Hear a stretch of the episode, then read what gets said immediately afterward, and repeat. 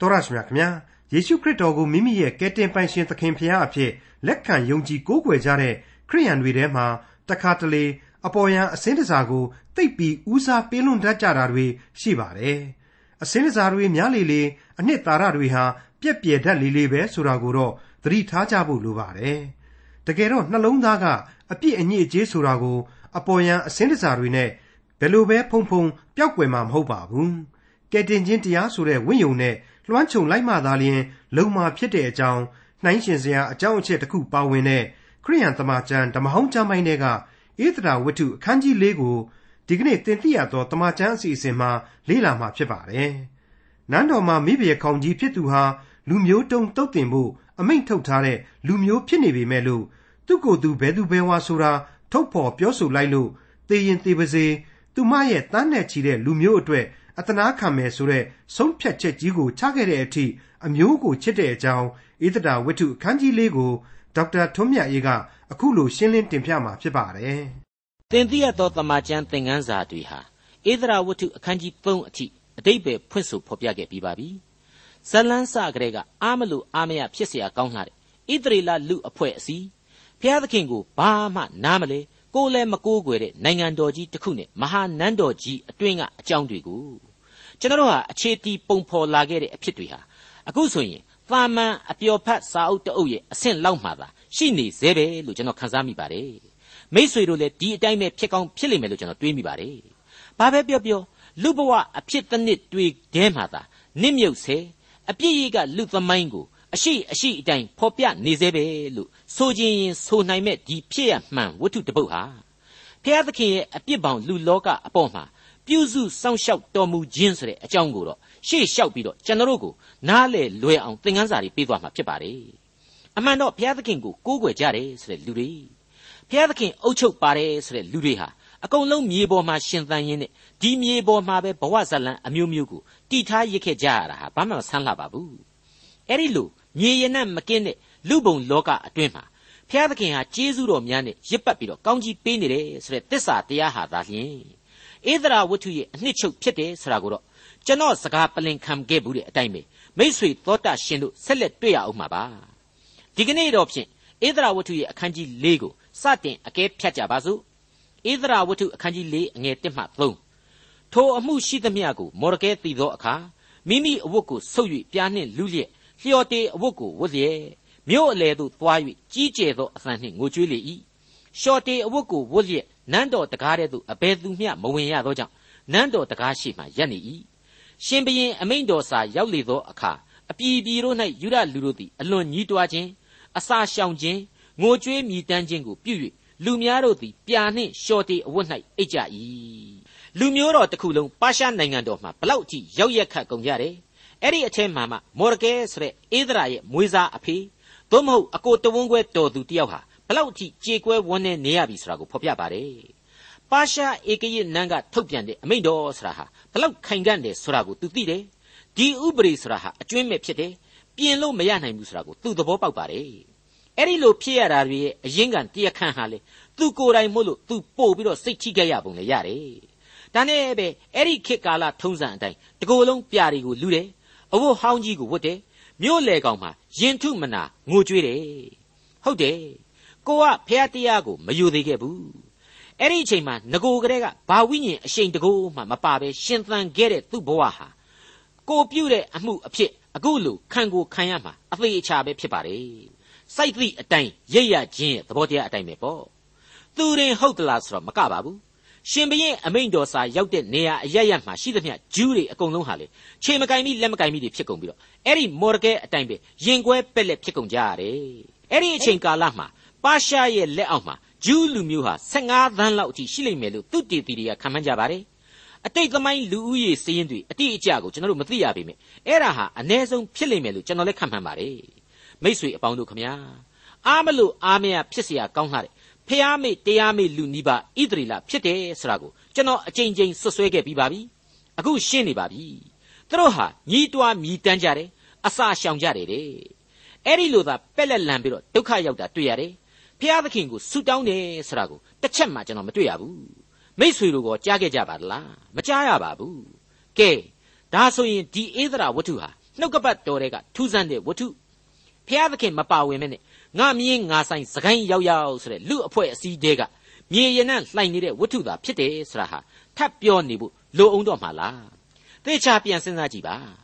အခုအချိန်အခါမျိုးတဲ့ဖျားသခင်ကိုဟစ်အော်မြည်တမ်းဖို့ ဆုတောင်းဖို့အချိန်ဆိုတာဟာဘယ်မှမရှိနိုင်တော့ပါဘူးဒါမဲ့သူတို့ဟာအံ့ဩဖို့ကောင်းလောက်အောင်ဖျားသခင်ကိုမေ့လျော့တဲ့လူမျိုးတော်ယုံကြည်ခြင်းဖောက်ပြန်သောလူမျိုးတော်ရဲ့အဆင့်ကိုရောက်နေခဲ့ပြီသူတို့ဟာအနှစ်သာရလုံးဝမရှိတဲ့ငိုကြွေးမြည်တမ်းမှုတွေကိုလုပ်တယ်ရှော့တေအဝတ်တွေကိုဝတ်ဆင်တယ်ပြားတွေတကုံလုံးတုတ်လိမ့်တယ်ပြီးတဲ့နောက်အစာရှောင်ကျင့်တယ်တဲ့ဒါပေမဲ့ဘုရားသခင်ကိုဆုတောင်းတယ်ဆိုတာတစ်ချက်မှမတွေ့ရဘူးဒီတော့ ဒီလူမျိုးတော်ဟာဣသရေလရဲ့ရှေးခေတ်အပကြီးကထုံးစံတွေကိုသာမချိမဆန့်လိုက်နာနေကြတယ်ရောင်တောင်ပေါင်တောင်ငိုကြွေးမြည်တမ်းနေကြတယ်ဒီတဲ့ပို့ပြီးနှက်ဆိုင်တဲ့ဘုရားသခင်ကျေးဇူးတော်ဘုရားသခင်ရဲ့ဂုဏ်တော်ဆိုတာကိုတော့သတိရတဲ့လက္ခဏာလေးတစ်ချက်ကလေးမှမတွေ့ရပါဘူးမိတ်ဆွေအပေါင်းတို့ဧဒရာရဲ့အရင်အလွန်လှပတဲ့မိဖုရားကြီးဝါရှတိကိုနမ်းချပြီးတဲ့နောက်မှာအာရွှေယုဘရင်ဆတ်ဆက်ဟာပြန်ပြီးတော့အလျှော့ပေးတာခွင့်လွတ်တာကိုကျွန်တော်တို့တွေ့ရပါသလားမတွေ့ရပါဘူးကျွန်တော်ပြောခဲ့တဲ့အတိုင်း ဘူးဆိုရင်ဖယုံမသိတဲ့ပါရှာဥပဒေဟာဘလောက်ထိပြင်းထန်တယ်လဲအလျှော့ပေးရိုးထုံးစံမရှိပါဘူးပြန်ပြင်ရိုးလည်းထုံးစံလည်းမရှိပါဘူးဒီတော့အခုဂျူးလူမျိုးတို့ဟာတွေ့ရမယ့်ဘဝကိုလုံးလုံးရောက်ကုန်ပြီဆိုတာမော်ရကဲကောင်းကောင်းကြီးသိပါတယ်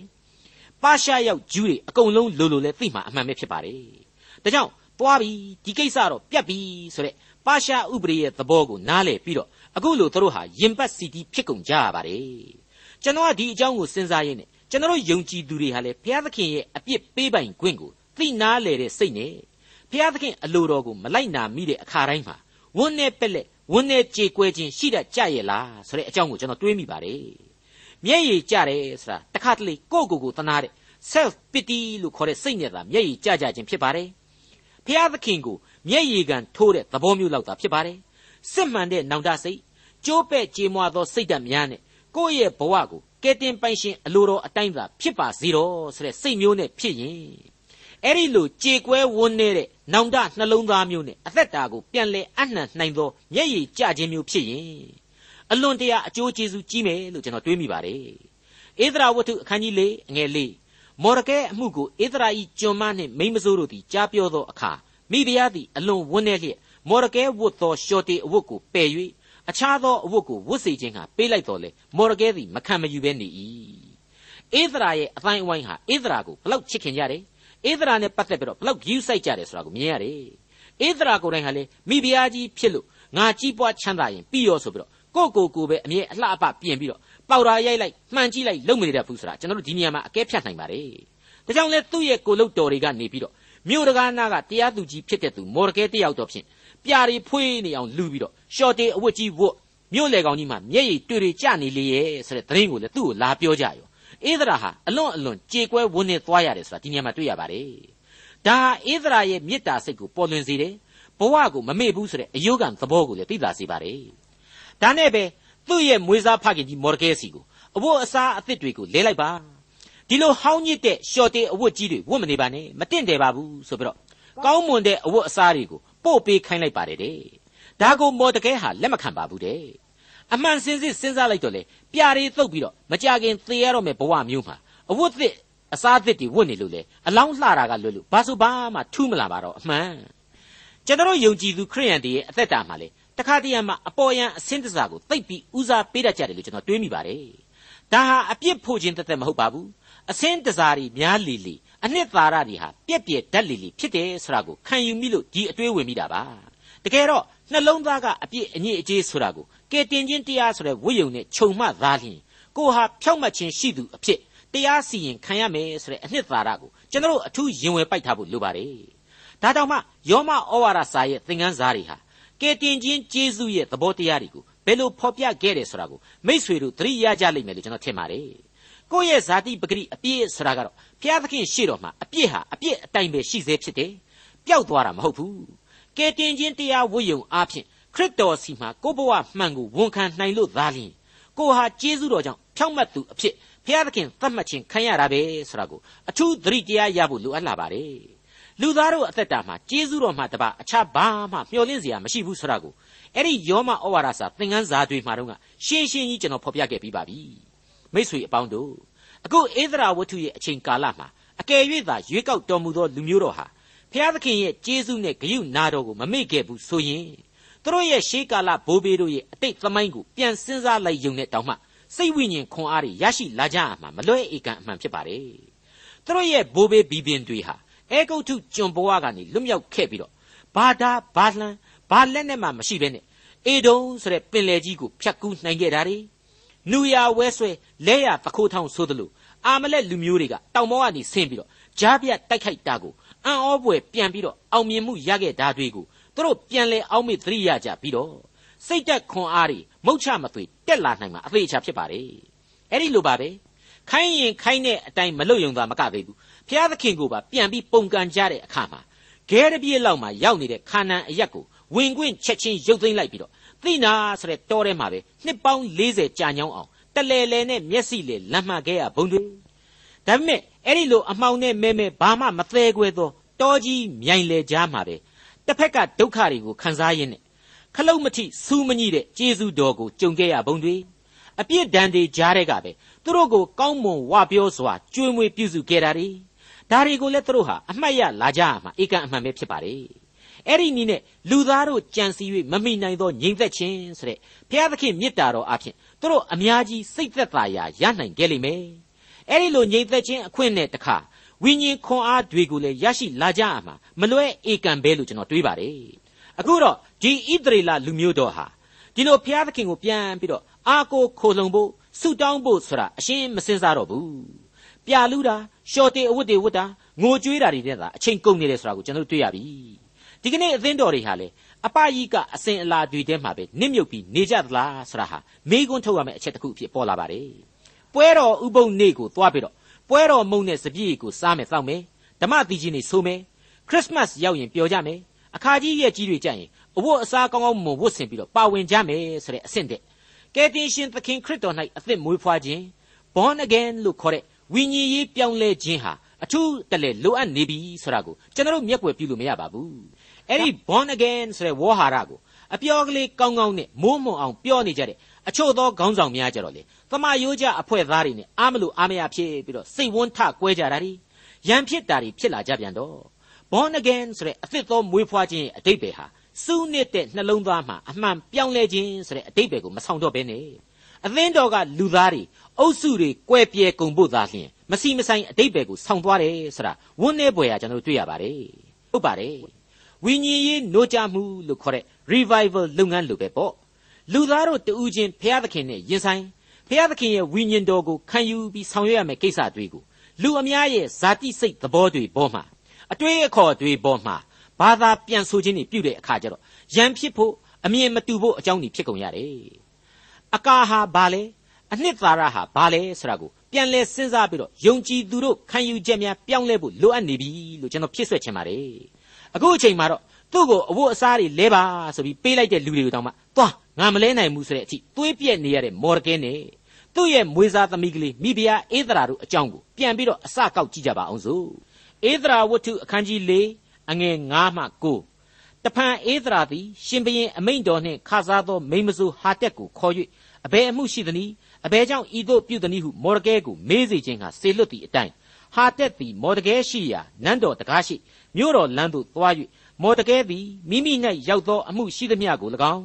ဟာမန်သည်ယူဒလူတို့ကိုဖျက်ဆီးစေခြင်းဟာငွေမြီမြကိုဗန္တာတော်တိုက်ထဲသို့သွင်းပါမည်ဟုဂရိထားကြောင်းကို၎င်းကြားပြောလျက်ယူဒလူတို့ကိုဖျက်ဆီးခြင်းဟာရှုရှံနန်းတော်၌ထုတ်သောအမိန့်တော်စာလက်ခံကိုဧဒရာအားပြဖို့ပေး၍ဧဒရာသည်မိမိလူမျိုးအဖို့တောင်းလျှောက်ခြင်းဟာရှင်ဘရင်ထံတော်သို့ဝင်ရမည်အကြောင်းမှားလိုက်လေ၏ဟာတက်သည်လည်းလာ၍ မော်တကဲစကားကိုဧဒရာအားပြန်ပြော၏ဒူးနေရဒူးတော်နေရတော်ဆိုတဲ့မြန်မာစကားရှိပါတယ်အရင်တုန်းကဂျူးလူနေရက်ွက်တီကြားမှာဖို့ရုပ်ဖာယာရှောက်ပြီးတော့ပြေးလွှားဆော့ကစားနေရသူကလေးဣဒရာဟာအခုအချိန်မှဆိုရင်ရှုရှံနန်းတော်ရဲ့မိဘရခေါင်ကြီးဖြစ်နေပြီဒီတော့အရင်ကလိုဘာမှသူ့အကိုဝန်းခွဲလည်းဖြစ်မွေးစားအဖေလည်းဖြစ်တဲ့မော်ရကဲစီကိုအခုလိုအပြေးအလွှားသွားเสียချော့เสียမျက်ရည်သုတ်ပေးเสียမလိုတော့ပါဘူးဖြစ်လဲမဖြစ်နိုင်တော့ပါဘူး ဒါကြောင့်မိမစိုးတယောက်ဖြစ်တဲ့ဟာတဲဆိုတဲ့လူနဲ့ပဲဆက်သွယ်ပြီးတော့အခြေအနေတွေကိုမေးရတယ်အကျိုးအကြောင်းတွေကိုစုံစမ်းရပါတယ်အဲ့ဒီတော့မှမော်ဒကဲဟာလည်းလက်ရှိဖြစ်ပေါ်နေတဲ့အခြေအနေမှန်တွေနဲ့တကွ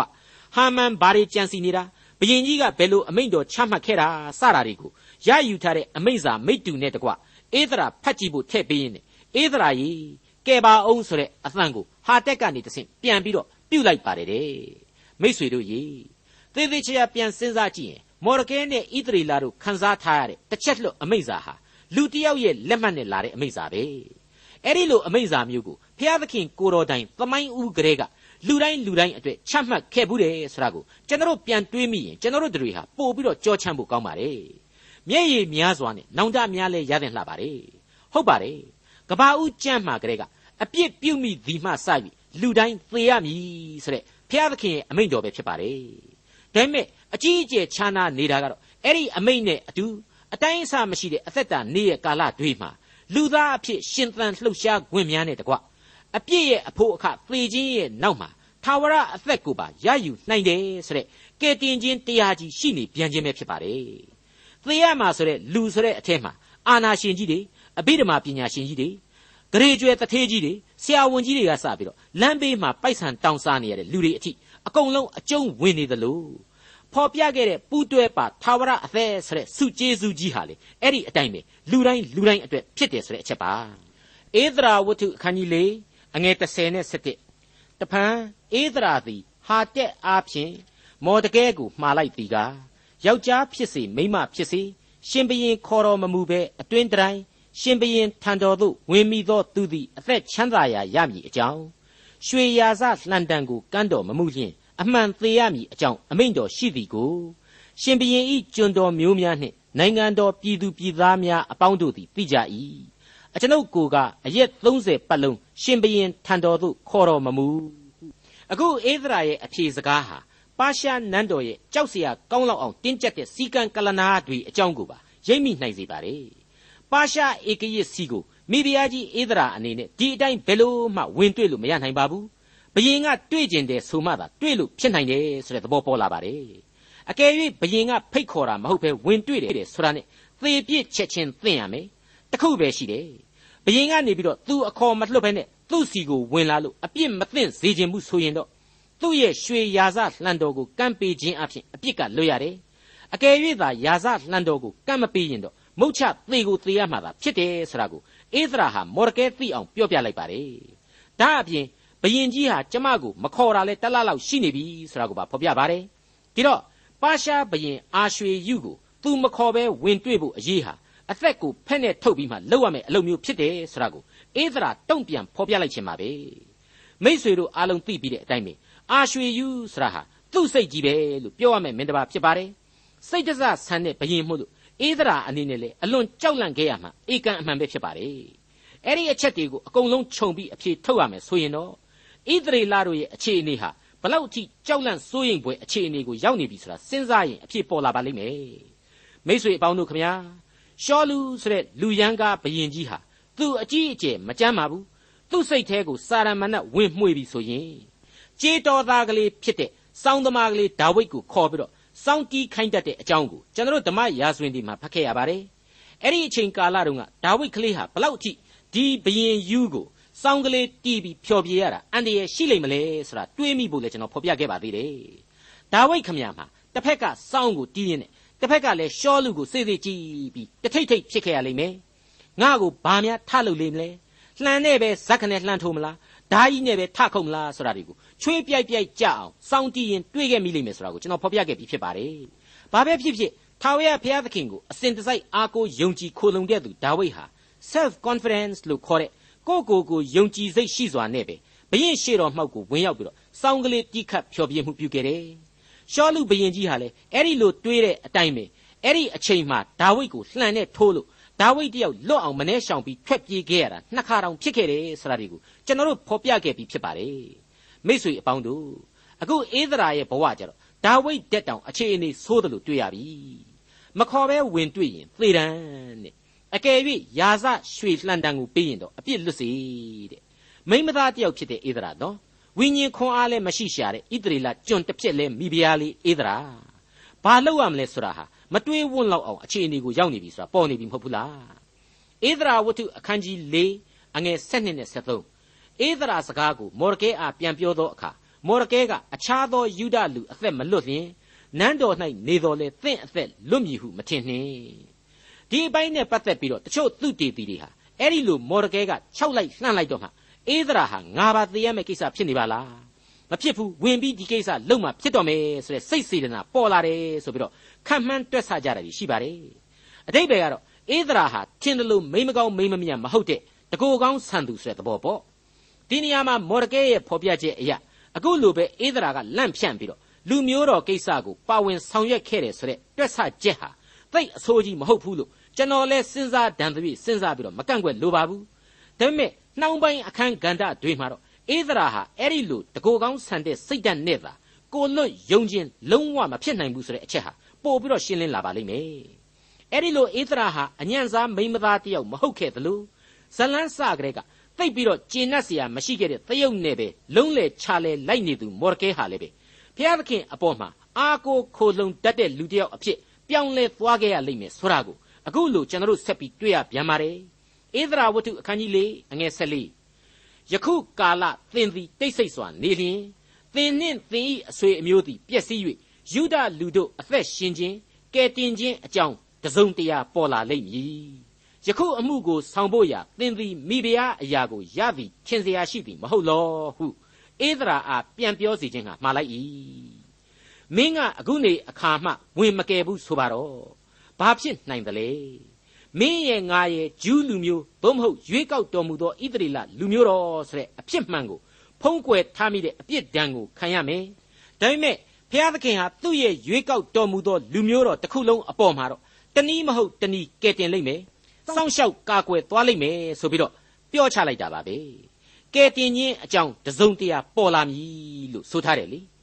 ဒီလောက်ထိတ်တန်းအာနာရှင်ကြီးချမှတ်ထားတဲ့ဘူးဆိုရင်ဖယုံမသိတဲ့အမိန့်ကြီးကို ဘယ်တစုံတစ်ခုသောကဲတင်မှုကြီးကဝင်ပြီးတော့ကဲနိုင်မှာမို့လေအမှန်မှမော်ဒကဲတယောက်ဘုရားသခင်ကိုပြန်လဲအောက်မေ့နေပြီဘုရားသခင်ရဲ့အကွယ်အကာကိုပြန်ပြီးတော့တောင့်တနေမိပြီဘိုးဘေးတို့ကိုကွယ်ကာစောင့်ရှောက်ခဲ့တဲ့ကျေးဇူးတော်ကိုသူဟာပြန်လဲသတိရနေပြီယုံကြည်နေပြီဆိုတဲ့ပြောင်းလဲခြင်းဟာဒီအချက်အားဖြင့်ဘွားကနေပေါ်လာရပါတယ်ဒီဝတ္ထုစကလေးကကြောင်တောင်တောင်အနေအထားမှသာရှိတဲ့မော်ဒကဲကြောင်တောင်တောင်ကိစ္စတွေကိုသာဝင်ပြီးလုပ်ခဲ့တယ်ဖျားသခင်ဗိမှန်တော်နဲ့ ဖျားသခင်အမွေမြေကိုပြန်ရမယ်အစားပါရှားမှာပဲကျွန်ဘဝအရေးမှာပျော်မွေ့နေတဲ့မော်ဒကဲကျွန်စော်နန်တဲ့အလုပ်တွေကိုသာလုပ်ခဲ့ပြီးတော့သူ့နှမဝန်ခွဲကလေးလည်းဖြစ်မွေးစားသမီးကလေးလိုလည်းချစ်ခဲ့ရတဲ့အေးသရာကိုလည်းသူ့လက်ချက်နဲ့ပဲတိုင်းတစ်ပါးဘရင်မယားဖြစ်အောင်ရှုရှံဆိုတဲ့နန်းတော်တဲ့အထိသူပို့ခဲ့တာပဲမဟုတ်ဘူးလား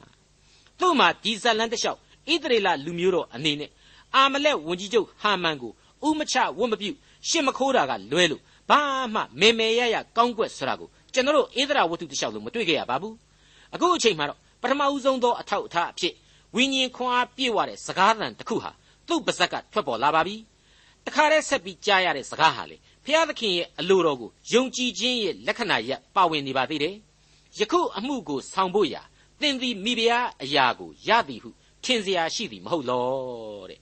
စကလေးကကို့နှမနဲ့သမီးကလေးကြီးပွားချမ်းသာစေခြင်းနဲ့လောကီအစွဲအလန်းလောကတတ်မဲ့မှုတွေနဲ့သာလျှင် အလှမဲ့ရွေးပွဲကိုဝင်ပြီးတော့ပြန်ခိုင်းခဲ့တယ်ပြီးနောက်မှာတော့ရလိမ့်မယ်လို့လဲရဲရဲကြီးမယုံကြည်ရဘူးကို့အမားနဲ့ကိုလည်းတွေးလေခြောက်ချခဲ့ရတယ်ဒါကြောင့်နန်းတော်ရှေ့နားမှာဟိုလိုလိုဒီလိုလိုလှုပ်ပြီးတော့လေပင်တရှည်ရှည်နဲ့ခုလောက်ရှိငါသမီးငါညီမလေးအေးသရာတယောက်တော့ဂျူးဖြစ်မှန်အလိန်တွေများပေါ်လို့ဒုက္ခတွေနဲ့ရောက်ကုန်ပြီလားသာမန်ကျွန်းမကလေးအဖြစ်ပဲတခြားမိဖုရားတွေအတွက်ထမိန်နေလျှော်ပေးရတဲ့အဆင့်များရောက်နေပြီလားဆိုပြီးတော့အကြီးအကျယ်စိတ်ပူခဲ့ရတယ်ဆိုတာတွေကို ကျွန်တော်ပြန်ပြီးတော့စဉ်းစားရင်အဖြေပေါ်နိုင်လောက်ပါတယ်ကျွန်တော်ဖော်ပြခဲ့တဲ့ဒါဝိဒ်တို့လူစိတ်မသန့်ဘူးယုံကြည်ခြင်းမရှိဘူးလူညံ့လို့ဆိုလို့ရတယ်ဟောအခုအချိန်မှကျတော့အခုလို့အရှင်အိမ်မက်မမဲဝွန့်လောက်အောင်ဧဒရာဟာမိဖုရားကြီးအဖြစ်ရွေးကောက်ခံရတာဟာဖျားသခင်ကပါဝင်ဆောင်ရွက်ပေးခြင်းဖြစ်တယ်ဒီလိုဘုရားသခင်ကောင်းကြီးပေးတာဟာလေမိဖုရားကြီးဆိုပြီးတော့လက်မထောင်ဖို့မဟုတ်ဘူးဇိမ်ရစ်ပြီးတော့အတင်းလေးပြောလိုက်အလှပြင်လိုက်လမ်းတလားလိုက်လုပ်နေဖို့မဟုတ်ဘူး ဘုရားသခင်ဟာဒီအမှုကိုဆောင်ဖို့ရာအတွက်အခုလိုကောင်းကြီးမင်္ဂလာပေးလိုက်တာသာဖြစ်ရမယ်ဆိုတဲ့အတွေ့အခေါ်မျိုးမော်ဒကဲတွေးမိလာခဲ့ပြီဒါတောင်မှနော်သူ့ရဲ့ဝိညာဉ်ခွန်အားဆိုတာဟာဝိုးရဝါနိုင်စေပဲလို့ကျွန်တော်ကတွက်တယ်ခိုင်ကန့်အားကောင်းသေးတယ်လို့ကျွန်တော်မဆိုချင်ဘူးမင်းကိုဘုရားသခင်ကဒါကြောင့်ရွေးချယ်တာဆိုပြီးတော့ပြက်ပြက်သားသားသူပြောတာမဟုတ်ဘူးလူမမာအမဲကြောက်တောင်းတဲ့အတန်လေးနဲ့လေဤအမှုကိုဆောင်ဖို့ရအတွက်မိဖုရားဖြစ်လာတာလို့မင်းကိုမင်းမထင်ဘူးလားကွယ်တဲ့ကဲ မော်ဒကဲရဲ့ဖြစ်ပုံကအဲ့ဒီလောက်အထိဖျားသခင်နဲ့ဝေးဝေးနေတတ်တဲ့လူဘဝဘလောက်အထိပုံပြက်ပန်းပြက်ဖြစ်ရတယ်ဆိုတာကိုကျွန်တော်တို့စဉ်းစားခံယူကြရပါလိမ့်မယ်အဲ့ဒီလိုမော်ဒကဲနဲ့ဣသရာနဲ့အပြန်အလှန်အကြောင်းကြားနေတာကိုကကြားတဲ့ကမိမစိုးဟာတဲ့ဆိုတဲ့လူလေဘလောက်အထိဖတ်ပြီးဖတ်ပြီးနဲ့ဒုက္ခရောက်လိမ့်မလဲလို့ကျွန်တော်တွေးပါတယ်တယ်လီဖုန်းမရှိသေးပါဘူး fax မရှိသေးပါဘူးဝန်ကြီးချုပ်အဆင့်လောက်ရှိတဲ့ဟာမန်လက်အောက်ကမင်းမှုတန်းတွေအခြေအနေကိုကြည့်ပြီးတော့မှဟာတဲ့တယောက်ဟာလင့်ရင်လစ်တယ်လို့ ဟိုပြေးဒီပြေးဖြစ်နေရမှာအသေးချပါပဲအခုအဲ့ဒီလိုအချီအချဆက်သွယ်ပြီးတဲ့နောက်မှာတော့အေးသရာဟာအလွန်ခိုင်ခိုင်မာမာအဆုံးဖြတ်ပြုတ်ပြီးတော့ဟာတက်စီကနေပဲတဆင့်မော်တကဲစီကိုအခုလိုမှားကြားလိုက်ပါတော့တယ်အေးသရာဝတ္ထုအခန်းကြီး၄အငယ်15အေးသရာကလည်းရှုရှံမျိုး၌ရှိသောယူရလူအပေါင်းတို့ကိုစုဝေးစေခြင်းဟာသွားပါနေညမပြတ်သုံးရက်ပတ်လုံးမစားမသောက်ဖဲနေ၍အကျွန်ုပ်အဖို့အစာရှောင်ခြင်းအကျင့်ကိုကျင့်ကြပါ အကျွန်ုပ်သည်လည်းကျွန်မတို့နှင့်တကွအစာရှောင်ခြင်းအကျင့်ကိုကျင့်ပါမည်ထို့နောက်အာနာတော်ကိုဆံရတော်လေရှင်ဘရင်ထံတော်သို့ဝင်မည်သေလျင်အသေးခံပါမည်ဟုမော်ဒကဲအားပြန်ပြောစေခြင်းဟာမှားလိုက်သမျှအတိုင်းမော်ဒကဲသည်တွား၍ပြုလေ၏ကဲဒီအပိုင်းကိုရောက်လာပြီအေးသရာရဲ့ယုံကံအားထုတ်မှုကိုစတင်ပြီးတော့ကျွန်တော်တွေ့ရပြီသူတကိုယ်ကောင်းဆန်သလားမဆန်ပါဘူးရှေ့တန်းကနေပြီးတော့အသက်ကိုဖဲ့နဲ့ထုတ်ပြီးဘရင်စီဝင်ရောက်အသနာခံ ရှောက်လဲမယ်တဲ့သူသေလို့ရှိရင်ဂျူးတွေအားလုံးလည်းသေကြရမှာပဲမဟုတ်ဘူးလားဒါကြောင့်အစာရှောင်တဲ့အကျင့်ကိုကျင့်ကြပါတယ်အစာရှောင်တဲ့အကျင့်လို့သာပြောတာပါနော်ဆုတောင်းကြပါဖျားသခင်ကိုအားကိုးခိုလုံကြပါဆိုတာမျိုးတစ်ချက်မှမပါဘူးဟုတ်တယ်သူကလေးဟာမော်ဒကဲလက်မှာကြီးခဲ့ရတော့မော်ဒကဲအတိုင်းပဲပေါ့ယုံကြည်ခြင်းရဲ့သဘောကိုမသိခဲ့ပါဘူးဖျားသခင်အလိုတော်အတိုင်းလေကြီးပွားတိုးတက်ခဲ့ရသူလည်းမဟုတ်ပါဘူးဘယ်နဲ့လုပ်ပြီးတော့ဖျားသခင်အလိုတော်အတိုင်းကြီးပွားမလဲ မော်ဒကဲကိုယ်တိုင်ကမှဘုရားသခင်နဲ့ဝေးနေတော့သူ့ရဲ့မွေးစားသမီးသူ့ရဲ့နှမလေးလည်းဒီမော်ဒကဲအတိုင်းပဲလာမှာပေါ့အပကြီးကဖြစ်တဲ့အစာရှောင်တာကိုပဲသိတယ်အကျင့်ကျင့်တာလောက်ကိုပဲနားလေတယ်ဘာပဲဖြစ်ဖြစ်လူမျိုးတော်တရက်လုံးကိုကျေးဇူးပြုဖို့အတွက်ဘရင်အာနာတော်ကိုဖီဆန်ပြီးတော့သေသေးကြေကြေအမှုကိုဆောင်ရွက်ပေးမယ်ဆိုတဲ့ယတိပြတ်ဆုံးဖြတ်ချက်ကိုသူချလိုက်ပြီဖြစ်ပါတယ်သေရမယ်ဆိုရင်လည်းအသေးခံမယ်ဆိုတာကိုပါသူ့အခိုင်အမာကြီးညာလိုက်ပါတယ်ဘာကြောင့်ဒီလိုသူဆုံးဖြတ်ခဲ့တယ်လဲရှင်းနေပါတယ် ယခုကဲ့သို့သော မဟာတာဝန်ကိုယူဖို့ရန်အတွက်မိဖုရားအရာကိုသူရရှိခဲ့ခြင်းဖြစ်တယ်ဆိုတာကိုမော်ဒကဲပြောတဲ့အတိုင်းဝိုရိုဝါတာမျှသူခံစားရပြီဖြစ်လို့ပါမိษွေအပေါင်းတို့ခမညာစိတ်ဝိညာဉ်ဆိုတာဟာလူသားတိုင်းမှာရှိတယ်ဖျားသခင်ကိုယုံကြည်သည်ဖြစ်စေမယုံကြည်သည်ဖြစ်စေအဲ့ဒီအတိုင်းပဲအမှန်တရားကိုဝိညာဉ်ဟာရှာဖွေတတ်လာတယ်ဒါကြောင့်လဲရှင်ယောဟန်ခရစ်ဝင်ကျမ်းမှာနီကောတင်ဆိုတဲ့ဘဝသစ္စာကိုရှာဖွေသူလူသားတယောက်ဖို့ ခရစ်တော်ဟာအလွန်ကောင်းမွန်တဲ့လမ်းကိုညွှန်ပြခဲ့ပါတယ်ဒုတိယမွေးဖွားခြင်းကိုခံရမည်ဆိုတဲ့အသစ်သောမွေးဖွားခြင်းခံဖို့ပါပဲအသက်50အရွယ်ကြီးရောက်မှအမေအိုရဲ့ဘိုက်ထဲကိုပြန်ဝင်ပြီးမွေးဖွားတာမဟုတ်ပါဘူးအင်ကြီးအဝတ်အစားသစ်တွေကိုဝတ်ပြီးတော့စင်မြင့်ဘော်ကနေကျွန်တော်တို့ဒီကနေ့ကစပြီးတော့နာမည်လည်းပြောင်းအဝတ်အစားလည်းပြောင်းလိပ်စာလည်းပြောင်းပြီးတော့အကုန်လုံးအတိတ်ကိုမေ့လိုက်ပြီဆိုတာမျိုးလည်းမဟုတ်ပါဘူးကျေးဇူးတော်ကိုချွင်းချက်မရှိလက်ခံပြီးတော့ခရစ်တော်နဲ့အတူစိတ်သစ်လူသစ်ဘဝသစ်စီတို့ တိုးဝင်ပြောင်းလဲခြင်းဟာဒုတိယမွေးဖွားခြင်းဖြစ်ပါတယ်မိဖုရားကြီးဧသရာရဲ့စိတ်ဝိညာဉ်ထဲမှာကျေးဇူးတော်ဟာရှင်သန်နိုးထလျက်ရှိနေုံသာမကဘုရားသခင်ရဲ့ရွေးကောက်တော်မူသောလူမျိုးတော်ဟာအသက်ရှင်ခြင်းအကြောင်းကယ်တင်ခြင်းအကြောင်းတစုံတရာရှိနေပြီဆိုတာကိုသူခန်းစားရလျက်ရှိနေပြီအမှန်ပါဒေါက်တာထွန်းမြတ်ရေးစီစဉ်တင်ဆက်တဲ့တင်ပြရသောတမချန်းအစီအစဉ်ဖြစ်ပါတယ်နောက်တစ်ချိန်အစီအစဉ်မှာခရိယန်တမချန်းဓမ္မောင်းကျမ်းပိုင်းတွေက ဣသရာဝတ္ထုအခန်းကြီး9ကိုလေ့လာမှဖြစ်တဲ့အတွက်စောင့်မျှော်နားဆင်နိုင်ပါတယ်။